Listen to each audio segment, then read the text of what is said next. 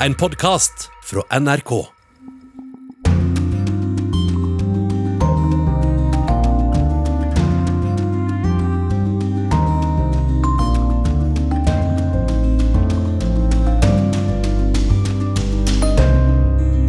Det ble skapt historie i Midtøsten denne uka da åtte partier ble enige om å danne regjering, ledet av en tidligere talkshow-vert. Kanskje var det Yair Lapids stjernestatus og røffe sjarm som fikk partene på plass. Eller var det rett og slett det at israelere flest verken orker flere valg eller mer av Netanyahu? Opposisjonen på Cuba forteller at de strever verre enn noen gang. Nå må folk i verden forstå hva som egentlig foregår, og slutte å la seg farge av salsamusikk og varmestrender. Nå er det på tiden at verden våkner. Det, er det som foregår på Cuba, det er et diktatorielt system. Det er et diktatur. Og få med deg den siste gourmettrenden i verden. Det ser ut som en bitte liten mangeleddet pølse. Det er en stekt melovn. I vår nye sommerspesial, der du blir bedre kjent med våre korrespondenter, røper Anders Magnus hva han gjør for å få tankene vekk, etter å ha dekket kriser og katastrofer.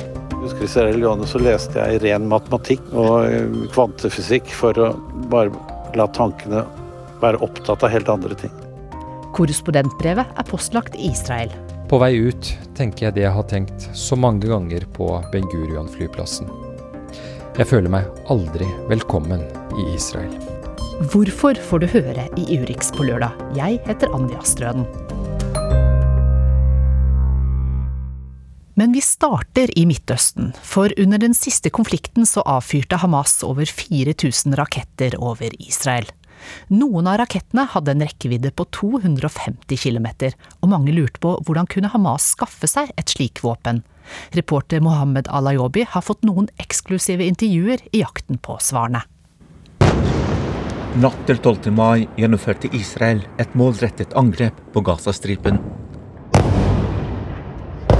akkurat da visste ingen hva Israel hadde angrepet. Dagen etter fortalte Israels statsminister Benjamin Netanyahu at den israelske hæren hadde klart å drepe flere Hamas-ledere. Noen dager senere fikk NRK lov av Hamas til å intervjue familien til en av de som ble drept under angrepet. ما كان يحكي أي شيء في الدار. سجا فتلت نانكو أتون إكي فيستا واهنس فار دريف ما فرهم لدربت أف إسرائيل. يعني كان يقول لي أنا لما أستشهد رح تعرفي من والدك لكن ما يعني ما كنت أتوقع لهالدرجة هاي. أنا قلت يعني من فار بلايدو سيتل ماي نور يبلي مارتر ولو فرشتا فيتا وهي يوبت ما يترد إك أتهم فاسو فيكتي. يترد أتهم فار سم ألي أندري Det forteller Saja Al-Zubde til NRK. Professor Jamal Al-Zubde studerte i USA. Han leverte sin doktorgradsforskning til NASA og fikk jobbtilbud hos dem. Men han valgte å reise hjem til Gaza for å være med og utvikle Hamas' hemmelig rakettprogram. Now we are not ready to, gi- to give any information because we are how they achieved this, uh, this unacceptable for us. Uh, Vi kan ikke gi noen informasjon fordi vi etterforsker hvordan Israel har klart å ta professor Jamal al-Zubde. Det forteller Mahmoud al-Zahar. Han er en av Hamas' øverste ledere i Gaza i et intervju med NRK. Tidligere hadde Hamas upresise raketter som traff tilfeldige mål i Israel. Rakettene drepte uskyldige sivile. Men Jamal al-Zubde utviklet bl.a. raketten Nayash. Raketten har en rekkevidde på 250 km. كان نقل نقل نوعية بالنسبة للمديات أيضا للرأس الحربي Ayash-raketten nådde flyplassen Dramon i Sør-Israel. Dette var et stort steg for Hamas. I tillegg har raketten en stor sprengkraft. Det skjedde pga. forskeren Jamal al-Zubde. Det forteller Mahmoud Abunawar. Han er militærekspert og tidligere general i det jordanske flyvåpenet, på telefon fra Amman. Under den siste konflikten klarte Hamas-bevegelsen å avfyre over 4000 raketter. Rakettene gjorde store skader i Israel. Men det kostet folk på Gaza mye. Tusenvis av boliger ble ødelagt under de israelske angrepene. Og det vil ta mange år for folk på Gaza kan leve normalt igjen. Men Hamas-ledelsen mener at de har flere forskere, som Jamal al-Zubde. Our, our people in and out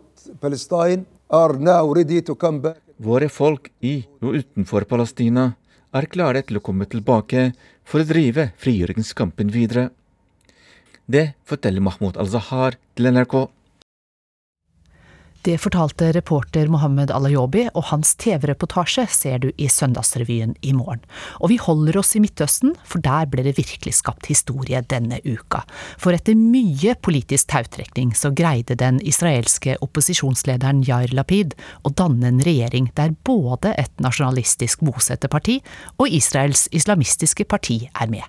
Yair Lapid kan bli mannen som avslutter Benjamin Netanyahus tolv år ved makten. Onsdag kveld kunne Yair Lapid si sine historiske ord. Herre president, jeg ringer for å fortelle deg at jeg har lykkes med å danne en regjering med Yeshatid.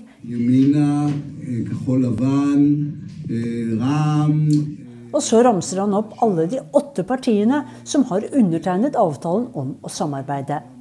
Og nettopp det at Ra'am, Israels islamistparti, og Yamina, partiet bosetterne stemmer på, nevnes i samme setning om samarbeid, er intet mindre enn utrolig for de fleste israelere. Yair Lapid er konge, skrev mange. Kan dette lege noen sår mellom Israels jødiske og palestinske befolkning, spurte andre. Kanskje var det Yair Lapids stjernestatus og røffe sjarm som fikk partene på plass. Eller var det rett og slett det at israelere flest verken orker flere valg eller mer av Netanyahu.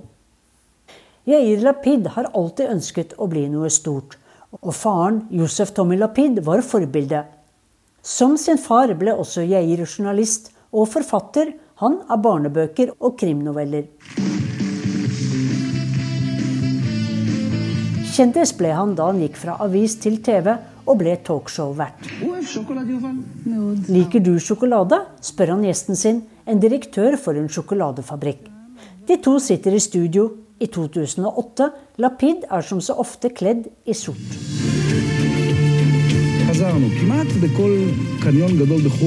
Et par år senere ble han programleder for Ulpan Shishi, et populært nyhetsprogram på israelsk TV 2. Lapid fortsatte å bygge opp omdømmet sitt møysommelig som det sekulære Israels posterboy. Fra før var hobbyene karate og boksing. Nå begynte Yair Lapid å omgås rike folk han røykte sigarer med. Faren, Tommy Lapid, ble født i Jugoslavia, overlevde holocaust og kom til Israel i 1948. Det politiske partiet han stiftet, jobbet intenst mot at de ultraortodokse skulle få mer innflytelse i Israel. Han hadde en skarp tunge og elsket en god krangel i studio. I 2012 tok sønnen steget fra journalistikken til politikken.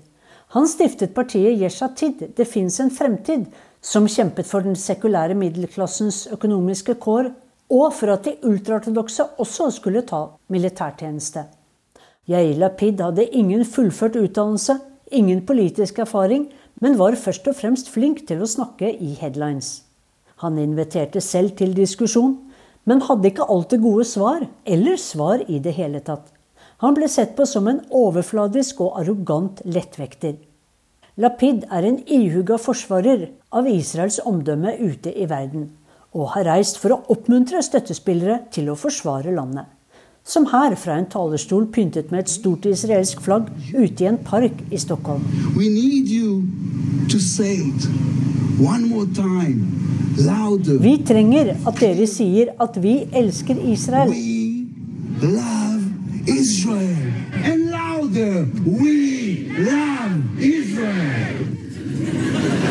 Han ble ofte gjort narr av, som her i satireprogrammet Eritsne Hederer. Hør på intonasjonen hans, sier panelet og ler og hermer. Han kommer inn på en kafé og sier 'jeg tar en suppe'. Men mens folk var opptatt av å le av ham, lo Yair Lapid sist og best. Med sitt nystartede parti gikk han til valg i 2013 og fikk utrolige 14 av stemmene. Yesh Atid ble det nest største partiet i Knesset etter Netanyahus Likud. TV-stjernen ble finansminister og rykket rett inn i politikkens førstedivisjon. Noe temperament har han arvet fra faren, som vi hører i dette intervjuet med Tim Sebastian, som tar opp en rapport som beskriver den palestinske minoritetens dårlige kår i Israel.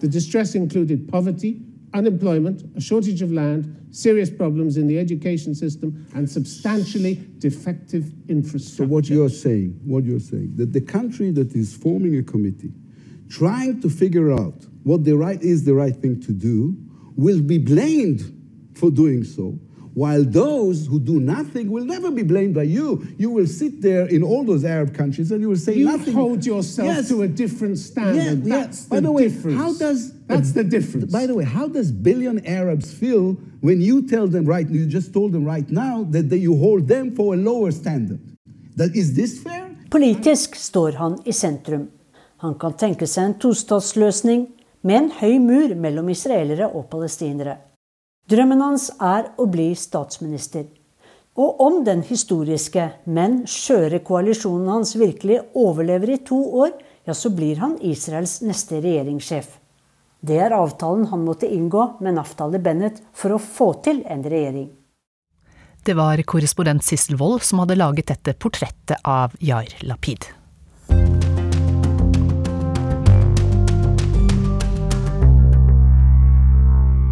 Nå til Cuba, der folk som protesterer mot landets kommuniststyre, risikerer fengsel. En kjent rapper har vært holdt fanget i flere måneder, og en annen dissident forteller til NRK at han fikk infisert en infisert hiv-sprøyte da han satt inne. Ytringsfriheten har trange kår på den karibiske øya.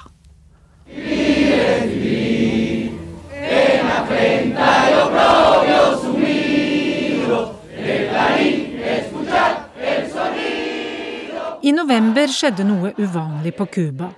Utenfor Kulturdepartementet møtte et par hundre demonstranter opp.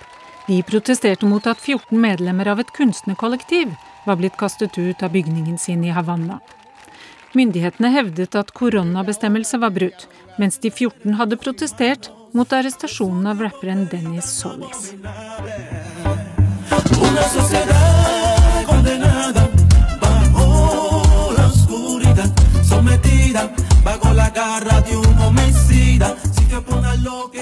Solis ble arrestert hjemme og dømt til åtte måneders fengsel for forakt for politiet.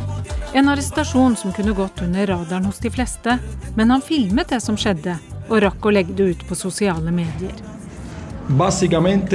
Eh, nos declaramos en contra de la violencia. Somos pacifistas. Dette er Luis Manuel Otero Alcantara.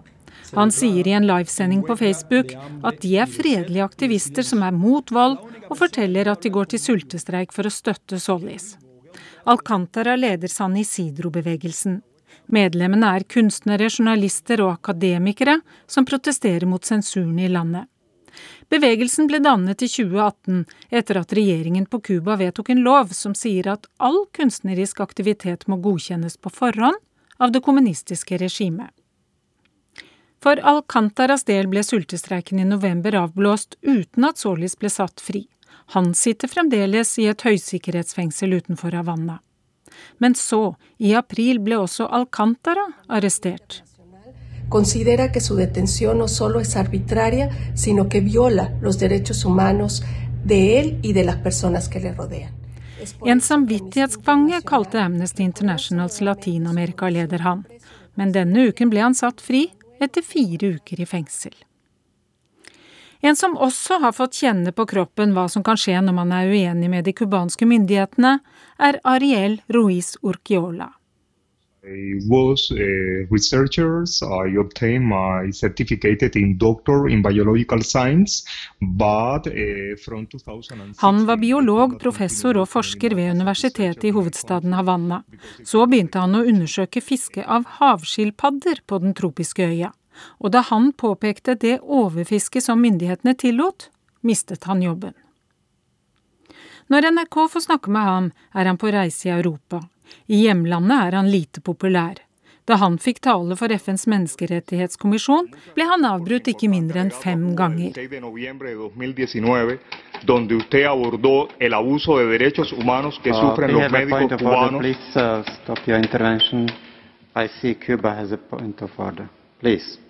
Cubanske myndigheter likte dårlig det budskapet han hadde. Urquiola mener de er redde både for ham og de unge i San Isidro-bevegelsen, som vil ha et annet system. Because they know that the majority of the people in Cuba don't want that kind of uh, dictatorial system. Da Fidel Castro og hans folk tok makten i et kupp i 1959, ble landet etter hvert avhengig av støtte fra Sovjetunionen.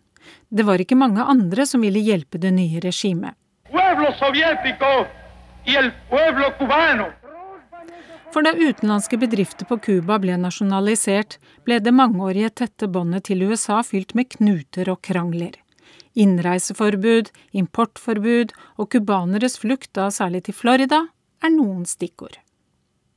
Da Sovjetunionen kollapset, mistet Cuba sin største støttespiller, og etter hvert tårnet problemene seg opp. Landbrukskollektivene klarte ikke å levere matvarer, folk sultet, og gjennomsnittsvekten på den jevne cubaner sank med flere kilo. Folk spiste opp husdyrene sine, ja, noen til og med kjæledyrene sine. Med hjelp fra Venezuela haltet det videre på et vis. Fremdeles fikk folk skolegang og legehjelp i det offentlige helsevesenet. Men så fikk Venezuela også nok med sine egne problemer, og Cubas tilgang på billig olje tok slutt. I alle disse årene har forholdet til USA vært anstrengt.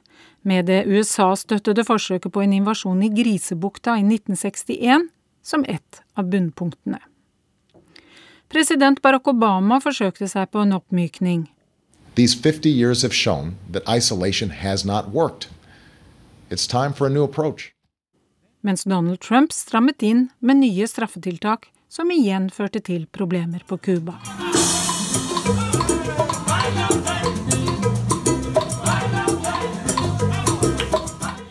I gamlebyen i Havanna spiller profesjonelle og dyktige musikere. Både turister og lokale danser salsa på brosteinene i de trange gatene. I løpet av de siste tiårene har det vært sluppet mer og mer opp for private virksomheter. Både spisesteder og pensjonater får ta imot gjester, og noen er stilfulle og flotte gamle leiligheter der gjestene betaler en stiv pris og får lekker luksus og eget bad. Andre er enklere, der man nesten bor hjemme hos og spiser på kjøkkenet til verten. Men driften er nøye regulert.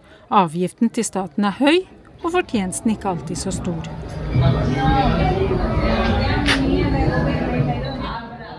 De siste årene har mer og mer av gamlebyen i Havanna blitt pusset opp til glede for besøkende. Samtidig mister folk i fattige deler av byen rett og slett livet fordi de gamle bygårdene faller sammen. En ikke uvanlig hendelse i hovedstaden. Og i tillegg har selvfølgelig koronapandemien lagt en demper på turismen.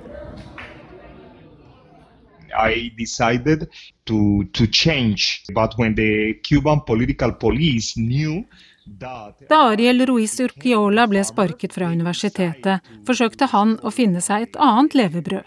Han startet som bonde i Vinales, men opplevde stadig problemer. Avlinger og drikkevann ble ødelagt, ville dyr ble sendt inn på jordene hans. Han klaget og protesterte, men protestene gikk ikke bare utover han, men også familien. Da søsteren hans ikke fikk behandling for brystkreft, startet han en sultestreik. Da ble han satt i fengsel. I fengselet fikk Urkiola en sprøyte med sukkervann, men sprøyten inneholdt noe mer enn det, sier han. During my hunger and thirst strike for 16 days, uh, they inoculate me uh, one HIV. Uh... Han oppdaget senere at han var blitt hiv-positiv. Han sier til NRK at medisinske eksperter har konkludert med at det er stor sannsynlighet for at smitten stammer fra det cubanske fengselet. Nå lever han store deler av året i Europa, men kampen for mer ytringsfrihet i hjemlandet fortsetter, og meningsfeller i inn- og utland finner hverandre lettere nå. De siste årene har nemlig også internett blitt mer tilgjengelig. For et par år siden ble det tillatt i private hjem, og på nettet møtes opposisjonen. Internet was the really main door to the information in my country. Now Cuba no more. Fremdeles er det mye å kjempe for, for til tross for karibiske strender og vakre byer, livet på Cuba er som et helvete i fengsel, mener Ariel Ruiz Urquiola. To live in Cuba is like to live in, in, into the hell. It's a hell, it's a prison. Og det fortalte reporter Marit Kolberg, og myndighetene på Cuba er godt kjent med påstanden fra Orkeola om at han fikk hiv i fengsel, men har flere ganger avvist dem. Dayami Ross, du er født og oppvokst i Havanna, men har bodd i Norge de siste 17 årene. Cuba beskrives som et helvete. Hva tenker du når du hører det? Det var, det var sterkt. Uh, å få det så nær. Så det stemmer nok, det han sier. Det er helvete i fengsel, altså helvete utenfor for de som sitter i opposisjonen. Mange av de som ser dette utenifra, turistene, de ser fancy gamle biler, de ser glade folk som danser i gatene, syns dette her er ganske eksotisk. Hvor realistisk er det bildet kontra det Cuba du kjenner? Altså, det, det glansbildet av Cuba er gammeldags. Folk strever. Folk strever veldig mye eh, for tiden. Det er mangel på mat, medisiner. Så helsesystemet bare har kollapset fordi at vi eksporterer eh, profesjonelle yrkesutøvere til utlandet for å redde andre land, mens vi blir igjen med medisinstudenter som behandler syke pasienter. Vi har ikke medisiner nok for å behandle en vanlig hodepine på Cuba akkurat nå. Så det glansbildet Cuba prøver å vise disse verden, den, det fins ikke lenger. Cubanere står i lange køer i mange timer for å skaffe seg mat i en valuta de ikke får lønn i. De må kjøpe de nødvendige matvarer i dollar, og så får de lønna si i cubanske pesos. Du har jo fortsatt familie der. Mm. Hvordan overlever de? Familien min er eh, Alle sammen har enten doktorgrad, mastergrad. Eh, jeg har både advokater i familien, lærere, leger, sykepleier. Ingen av dem overlever, med mindre jeg sender penger fra Norge eh, dit. Men Dayami Ross, nå har du bestemt deg for at nå er det på tide å si fra. Og, og lage noen sprekker i det glansbildet som mange har av Cuba. Hva er det du har lyst til å si? Nå er det på tiden at verden våkner. Det, det som foregår på Cuba, det er et diktatorielt system. Det er et diktatur. Man kan ikke fortsette å pynte dette ordet med å kalle det for regime, for sosialisme, for kommunisme. Det er et diktatur hvor eliten blir rikere og rikere, og, og befolkningen flest sulter. Det er på tide verden ser at cubanere ikke får lov til å ytre seg fritt. De risikerer å bli satt i fengsel og familien også risikerer å miste, å miste huset de eier. Barna av de som sitter i opposisjon, får ikke lov til å studere på universitetet. De blir kastet ut av universitetet. Hvis de reiser til utlandet, hvis man blir invitert til en konferanse, så risikerer man å få innreiseforbud inn til sitt eget land. Hva er det som har gjort at du nå har bestemt at nå er det nok?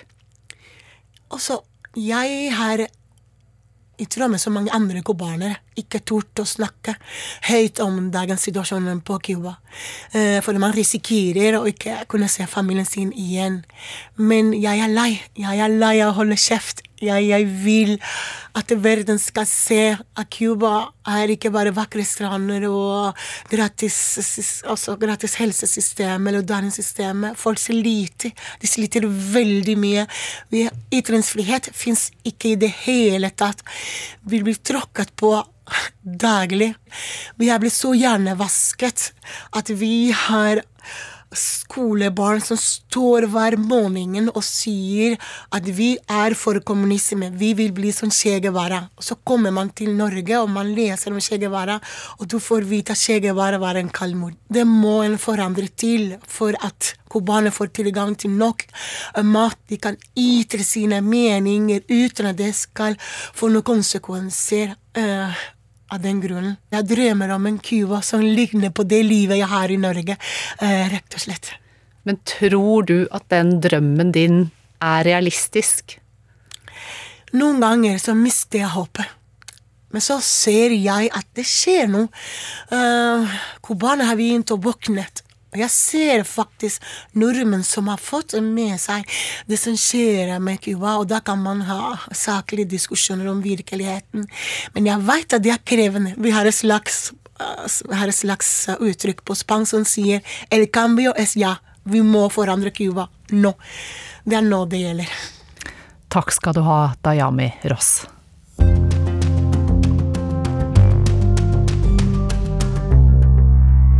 Tirsdag denne uken så åpnet EU dørene for salg av en helt spesiell type mat. For noen høres det kanskje vemmelig ut, og for andre er det en delikatesse. Vi skal til restauranten InnovEat i Paris for å spise nettopp litt innovativt. Det danderes. Litt sopp, asparges, gule blomster, lilla blomster, reddik, noe puréaktig. Og på toppen, forsiktig med pinsett, plasserer kokken en ingrediens som skiller denne retten fra annen fransk mat. Det ser ut som en bitte liten mangeleddet pølse. Det er en stekt melorm. Reuters har besøkt restauranten Innevit, som er nettopp innovative i matveien.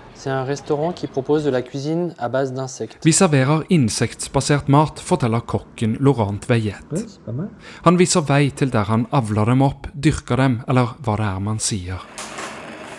I små hvite bokser fylt med havregryn og grønnsaker spiser melormene seg fete. De lever i noen måneder. Når de dør, blir de samlet opp og servert. Veillet har noen titalls oppi panna med smør.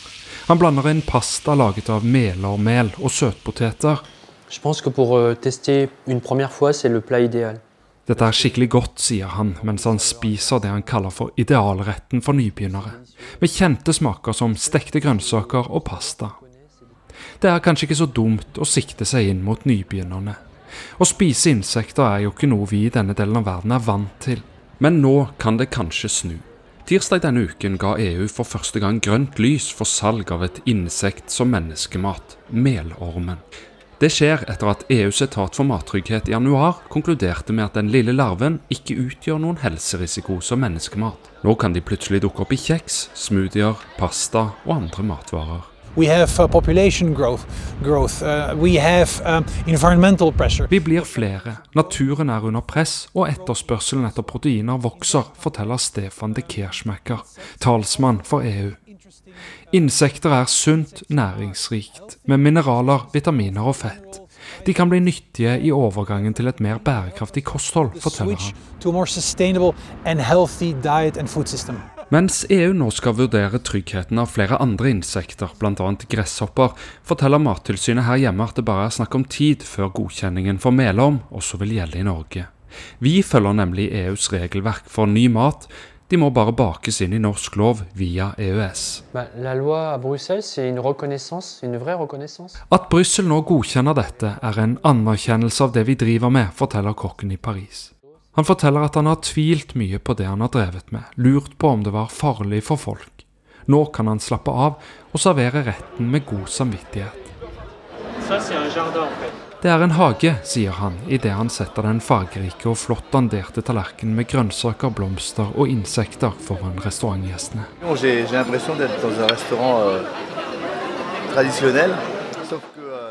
Jeg føler jeg er på en vanlig restaurant, smakene ligner, forteller en gjest men det jeg spiser ser annerledes ut.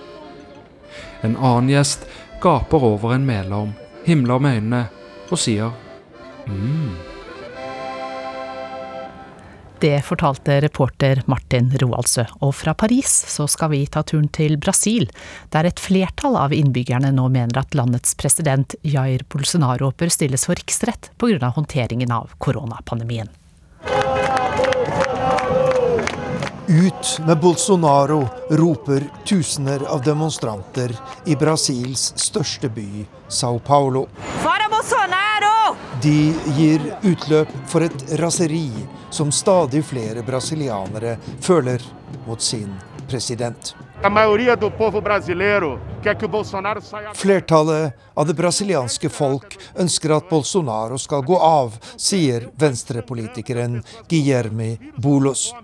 Vi vil ikke vente til etter valget neste høst. Vi vil ikke se landet blø og folket dø av viruset. Det er folkehelsa som står på spill, sier politikeren. En ny meningsmåling viser nå at det for første gang er et flertall her i Brasil som ønsker at president Jair Bolsonaro skal stilles for riksrett. Men presidenten mener fortsatt at han er på rett vei.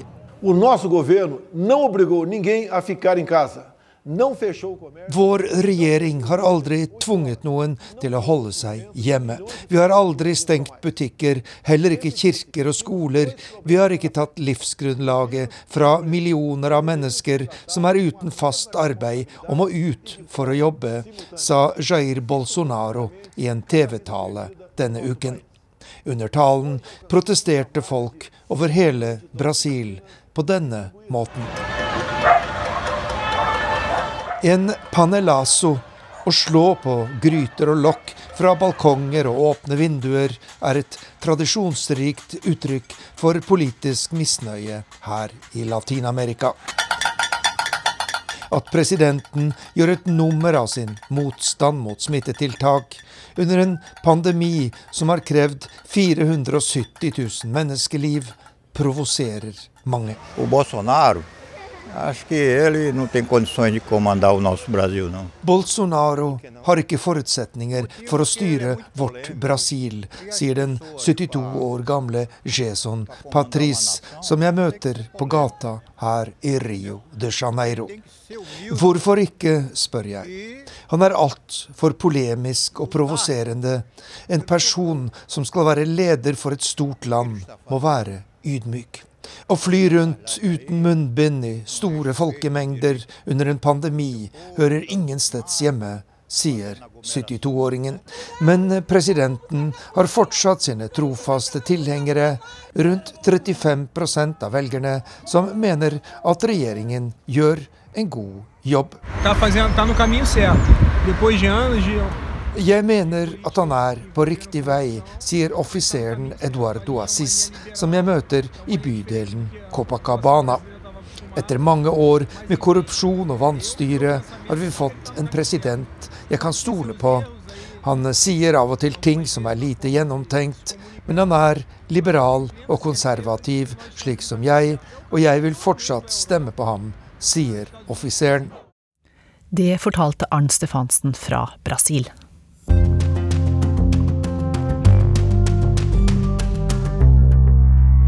Vår Midtøsten-korrespondent Yama Wolles Olasmal er vant til å bli avhørt i timevis ved ankomst i Israel. Men spørsmålene han fikk sist han reiste inn i landet, satte han helt ut. Så var nok en krig mellom Israel og væpnede palestinske grupperinger på Gazastripen et faktum. Jeg fulgte dramatikken fra Beirut. Disse korte krigene mellom Hamas og Israel eskalerer fort og blir stygge med mange drepte. Derfor diskuterte jeg med ledelsen min i Oslo om eh, vi ikke burde rykke til Israel. Jeg fikk raskt grønt lys, selv om det innebar at jeg måtte sitte ni dager i karantene. Tilstedeværelsen vår i Israel var et viktig argument som talte for å reise. I løpet av timer var jeg på vei til Kypros. Derfra skulle jeg fly videre til Tel Aviv samme kveld.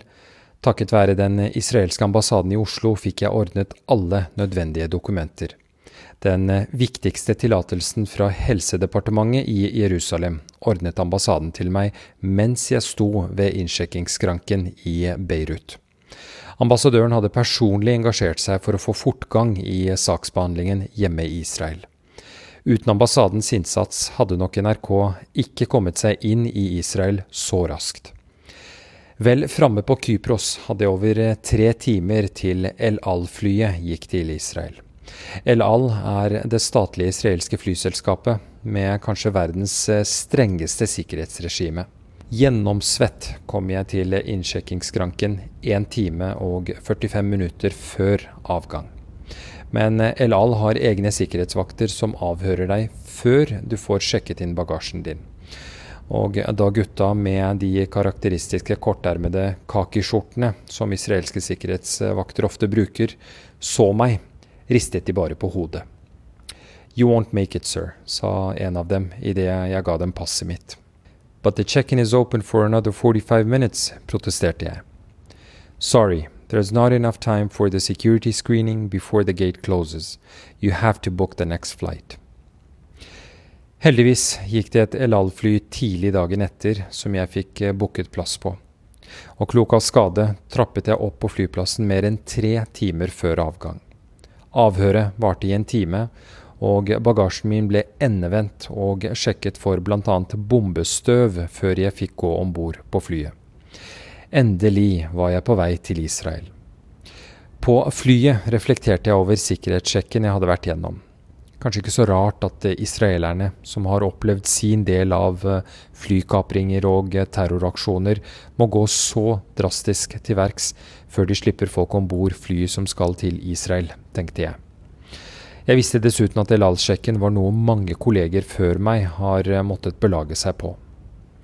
Men det jeg skulle oppleve ved Ben Gurion-flyplassen i Tel Aviv, fikk opplevelsen på Kypros til å blekne. Ved grensekontrollen ble jeg kalt inn til et intervju som opplevdes mer som et avhør. Et tre timer langt avhør. Avhøret var jeg forberedt på. Alle de tre siste gangene jeg har besøkt Israel, har jeg vært gjennom slike utspørringer. Både da jeg tok med kona mi Shara på ferie til Israel i 2017, og da det israelske utenriksdepartementet inviterte meg på en offisiell rundreise året etter. Begge gangene satt jeg timevis i avhør. Jeg vet også at andre journalistkolleger har vært gjennom det samme. Men jeg tror neppe noen av dem har fått så invaderende spørsmål som det jeg fikk av den unge head of security ved grensekontrollen. En mann i begynnelsen av 30-årene. Det begynte saklig. So why are you visiting Israel? Deretter en lang rekke spørsmål om hvem jeg skulle møte, intervjue, steder jeg skulle besøke, om jeg skulle til Gaza eller Vestbredden, mens han hamret løs på tastaturet. So far so good, tenkte jeg. Alt dette er jo relevant for grensekontrollen å spørre om. Men så tar avhøret en personlig vending. How much do you earn? spør grensekontrolløren som om det er det mest naturlige spørsmålet i forbindelse med innreise til et land. Excuse me? Yes, how much is your salary? Jeg forteller hvor mye jeg tjener. Og verre skal det bli. You're Muslim, right? Jeg bekrefter nikkende. But Yama, that's, that's not a Muslim name, is it? Nei, sa jeg, og forklarte at det var navnet til en hersker som regjerte over Afghanistan 2000 år før Kristus, altså lenge før islam så dagens lys. Are you fasting? Spør eh, grensekontrolløren. Vi er bare dager eh, unna id-festen som avslutter eh, fastemåneden ramadan. Jeg faster alltid, men ikke i dag, fordi jeg reiser, svarer jeg. Til nå har jeg klart å holde både masken og tålmodigheten. Av erfaring vet jeg at enhver irritasjon over spørsmål man får ved slike avhør, kan bli brukt mot en. Derfor svarer jeg rolig på alle de usaklige, irrelevante og høyst personlige spørsmålene jeg får, spørsmål som har ingen verdens ting med Israels sikkerhet å gjøre. Men jeg opplever at grensekontrolløren stadig tøyer strikken. Do you pray? Yes. How many times a day? Maybe one or two times, svarer jeg. But aren't you supposed to pray five times a day? Yes, but it's a personal thing. Some days I pray more, others I don't. Nå kjenner jeg at jeg må bite meg selv i tunga for ikke la meg provosere. Min tålmodighet er for lengst slutt. Etter å ha spurt meg om navnene på imamene i moskeene jeg besøker i Oslo og Beirut, ber han meg heldigvis gå ut fordi han må sjekke dem ut i systemet sitt. Mens jeg går frem og tilbake på venterommet, dukker det opp et vell av spørsmål i hodet mitt. Hvorfor blir jeg forhørt på denne måten? Er det fordi jeg ser ut som en araber?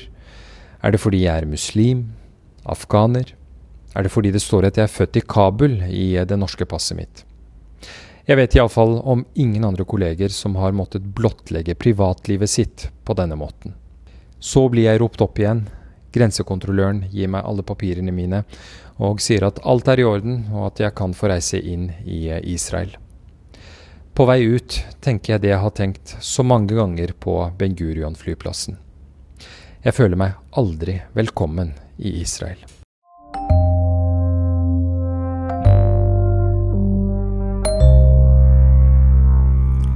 Og nå skal vi til USA.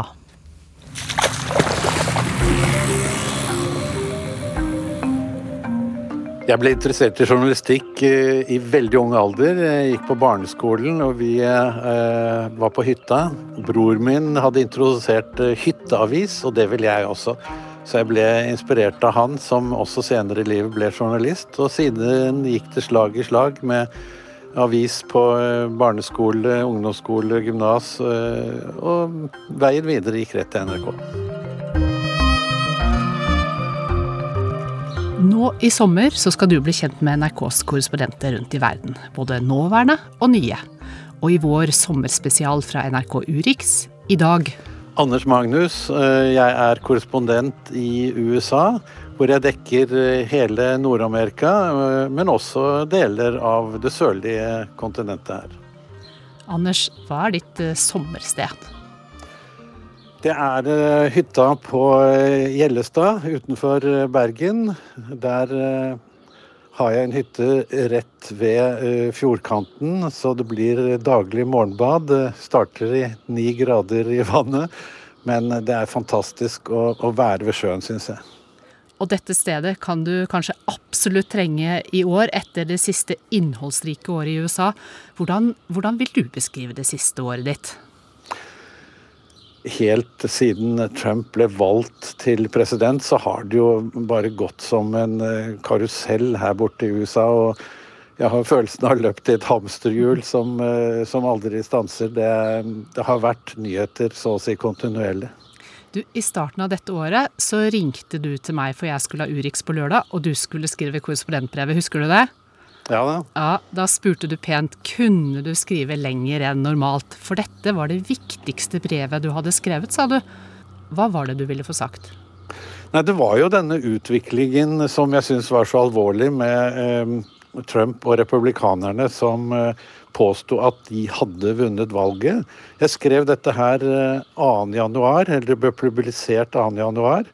Og to dager senere så kom jo eh, stormen på Kongressen, som jeg jo fryktet kom til å skje. Og det har jo ikke blitt noe bedre siden. Eh, nå eh, fortsetter jo eh, de fleste av republikanerne å holde fast ved denne feilaktige teorien om at valget at Trump egentlig vant valget, denne store løgnen. Det er jo mange som fortsetter å tro på det, og hvis man skal ha en framtid i det republikanske partiet, så må man støtte denne løgnen. Og det er jo nå eh, innenfor disse konspirator mest konspiratoriske kreftene i det konservative republikanske partiet, så er det jo nå folk som sier at Trump kommer til å bli gjeninnsatt som president i august, noe han selv også forteller. Men hva syns du har vært det mest spennende med dette året? Dette siste året? Nei, Det er jo den politiske utviklingen, selvfølgelig. Det er jo det som har vært det mest spennende. Eh, men også samtidig eh, mest bekymringsfullt. Jeg er dypt bekymret for den eh, utviklingen som skjer, særlig i det republikanske partiet. Og også at så mye som 15% av det amerikanske folket tror på slike konspirasjonsteorier som denne bevegelsen QAnon forfekter. At, at, USA nå styres av en elite med pedofile mennesker som dreper barn og drikker blodet deres. Det er jo ganske sjukt å høre på det, men, men, meningsmålinger viser at dette er ting som folk tror på her. Ja, Men tror du dette vil fortsette? Ja, jeg tror dessverre det. Og jeg tror at uh, hvis republikanerne lykkes med å undertrykke eh, stemmegivning, slik de forsøker på nå, så kan eh, det bli slik at det blir et mindretall i USA som bestemmer den politiske utviklingen. Og jeg er også redd for de autoritære kreftene som vi ser vokse fram i det republikanske partiet i kjølvannet av Trump.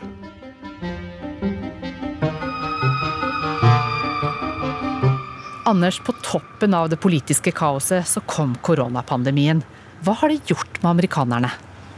Ja, helt I starten var det jo helt forferdelig. Mange folk manglet jo mat. og Vi var jo ute i sånne matkøer hvor det sto eh, milevis med kø av biler for å få nok å spise, rett og slett. Eh, og så eh, var det jo også mange som mistet jobben.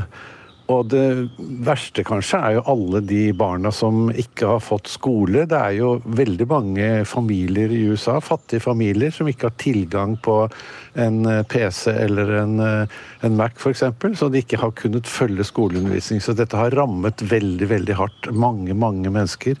Nå ser det ut til at samfunnet er i ferd med å komme litt tilbake igjen til slik det var før. Men det er klart at særlig tapet av uh, utdanning kommer til å uh, slå hardt uh, på en hel generasjon. Er det noen du fortsatt skulle intervjuet? Jeg skulle gjerne hatt et én-til-én-intervju med Donald Trump, selvfølgelig. Jeg ja, har flere ganger spurt han om det. Jeg har stilt han spørsmål på pressekonferanser, men jeg skulle gjerne sittet ned med han i et par timer. Det hadde vært interessant.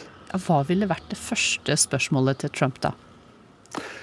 Jeg tror nok jeg ville begynt litt forsiktig eh, og snakket om nobelprisnominasjon og sånne ting. Men eh, det viktige spørsmålet kanskje ville vært eh, å gå inn på hvorfor han lyver så mye, og om han ønsker en mer autoritær retning i USA. At han skulle ønsket at han hadde mer makt og kunne bruke militæret på en annen måte enn det han klarte. Det kan jo være at han da hadde bare reist seg og gått. Hva tenker du om eh, høsten som kommer nå, for USA sin del? Jeg tror det blir vanskelig for Joe Biden å få gjennomført det han ønsker, selv om han har flertall både i eh, representanthuset og i Senatet. Men eh, det er jo eh, en slik lov her i USA at man må ha ti representanter eh, mer enn et eh, flertall for å få gjennomført lovendringer. Og da må han eh, ha ti republikanere med seg. Det får han ikke. Så det nok, eh, blir nok veldig veldig vanskelig for Biden å gjennomføre sine store reformer som han ønsker. Så eh, jeg tror høsten blir preget av det, så det kommer kanskje ikke til å skje så veldig mye her.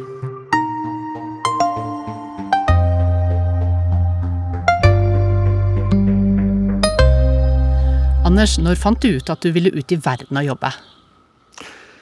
Jeg ville jo eh, ut og se meg omkring, først i Norge. Så jeg haiket rundt i eh, mitt eget land først. Jeg eh, Syns det var riktig å se det først. Eh, fra Finnmark til Sørlandet. Og så var det rett ut i verden. Først i Europa, så til eh, Latin-Amerika, Asia og eh, Afrika kom jo til slutt. Men nå har jeg jo vært i et flertall av verdens land og jobbet som journalist i 76 land på fem kontinenter. Og du har altså tidligere vært korrespondent i Afrika, også Asia. Du har møtt toppolitikere, kjendiser og folk flest. Hvem er det som har gjort eh, størst inntrykk? Ja, eh, jeg har jo intervjuet Nelson Mandela fire ganger, og det vanlige i folk som har møtt Nelson Mandela, når de spør, blir spurt hvem har gjort mest inntrykk på deg, så svarer de han. Men jeg vil faktisk si at nei, det var ikke han. Det var en eh, liten uh, ung jente som uh, var noen og tyve år bare, som jeg møtte i Zimbabwe. Hun het Lynnet. Hun bodde i et lite uh, treskur sammen med sine små søsken. Hadde blitt en slags mamma for dem. Hun jobbet og tjente penger for denne vesle familien, som bodde kanskje på fire kvadratmeter. Eh, begge foreldrene var døde av aids, så hun måtte ta ansvaret. Hun var en fantastisk eh, kvinne. Og jeg laget et eh, innslag med henne som ble sendt på NRK. Og det medførte at det var mange i Norge som syntes så synd på henne at de gikk sammen om å gi henne et hus, et eget hus. Så hun fikk en helt ny hverdag etter det, og jeg har holdt kontakt med henne siden. Så fantastisk. Hvordan har det gått med henne? Det har gått veldig bra, eh, både med henne og med, eh, med de andre søsknene. Eh, og hun har jo barn selv nå. Men det er klart at det er vanskelig situasjon i Zimbabwe pga. det diktatoriske styret som er i det landet, og den økonomiske miseren der. Så det, det gjør det jo ikke lett. Men jeg vil jo si det at det er mye mer spennende å møte vanlige folk som journalist enn de høye herrer. Jeg har jo møtt veldig mange Eh, kjente politikere og kunstnere og forfattere. Mandela, Arafat, Rabin, Peres, eh, Aung San Suu Kyi, Dalai Lama osv. Men det er jo de eh, vanlige menneskene som jeg syns er mest spennende å intervjue og formidle hva de tenker, hvordan de har det, hva de føler.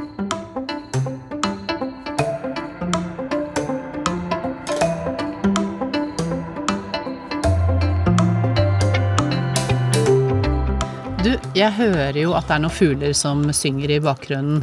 Hvor er du hen, Anders? Jeg sitter på porchen min. Eh, det er et ord som er vanskelig å oversette til norsk. Litt sånn fjong, en, eh, fjong terrasse?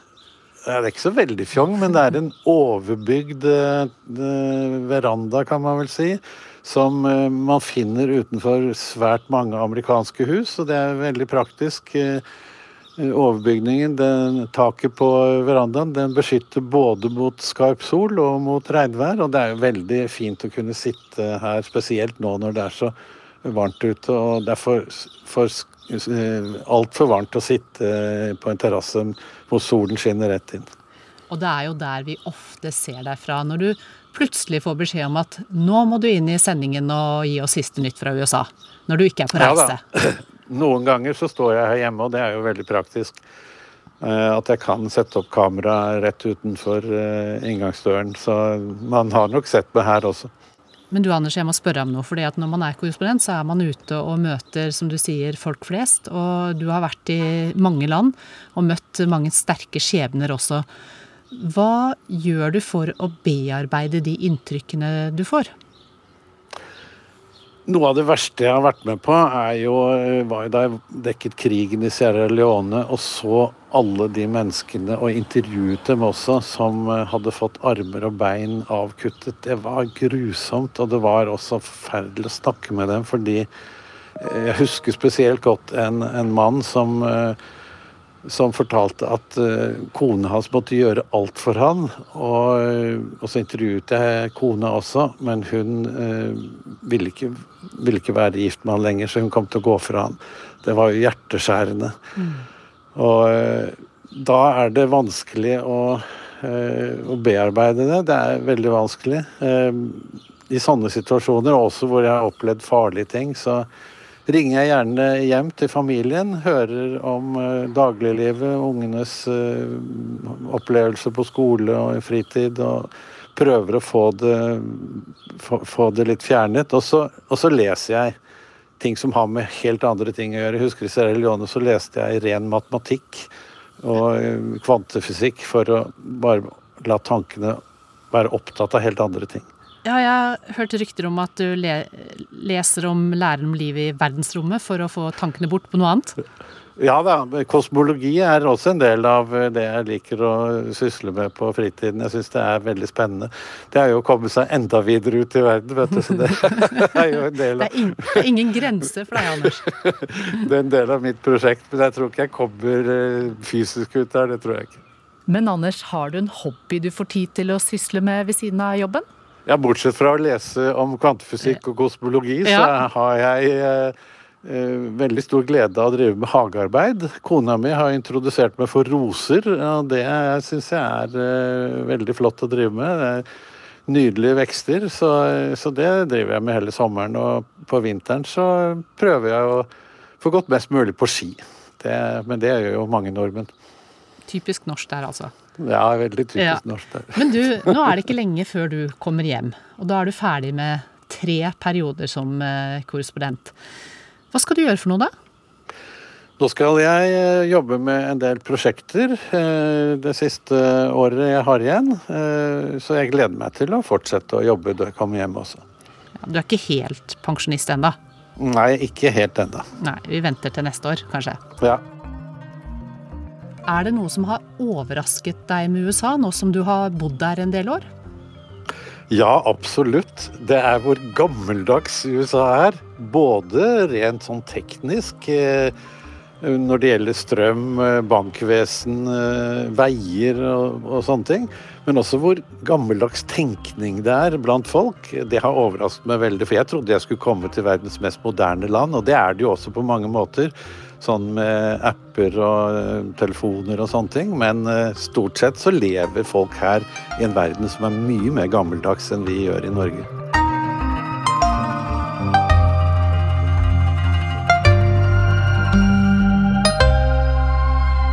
Det fortalte avtroppende USA-korrespondent Anders Magnus. Teknikk der var ved Lisbeth Sellreite og Ida Larald Brenna.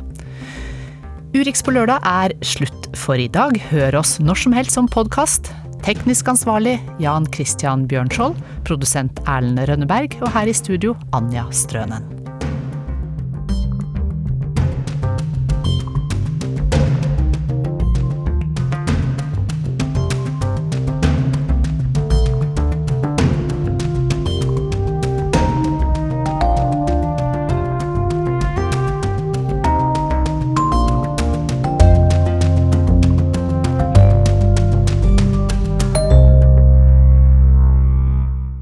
Du har hørt en podkast fra NRK. Hør flere podkaster og din favorittkanal i appen NRK Radio.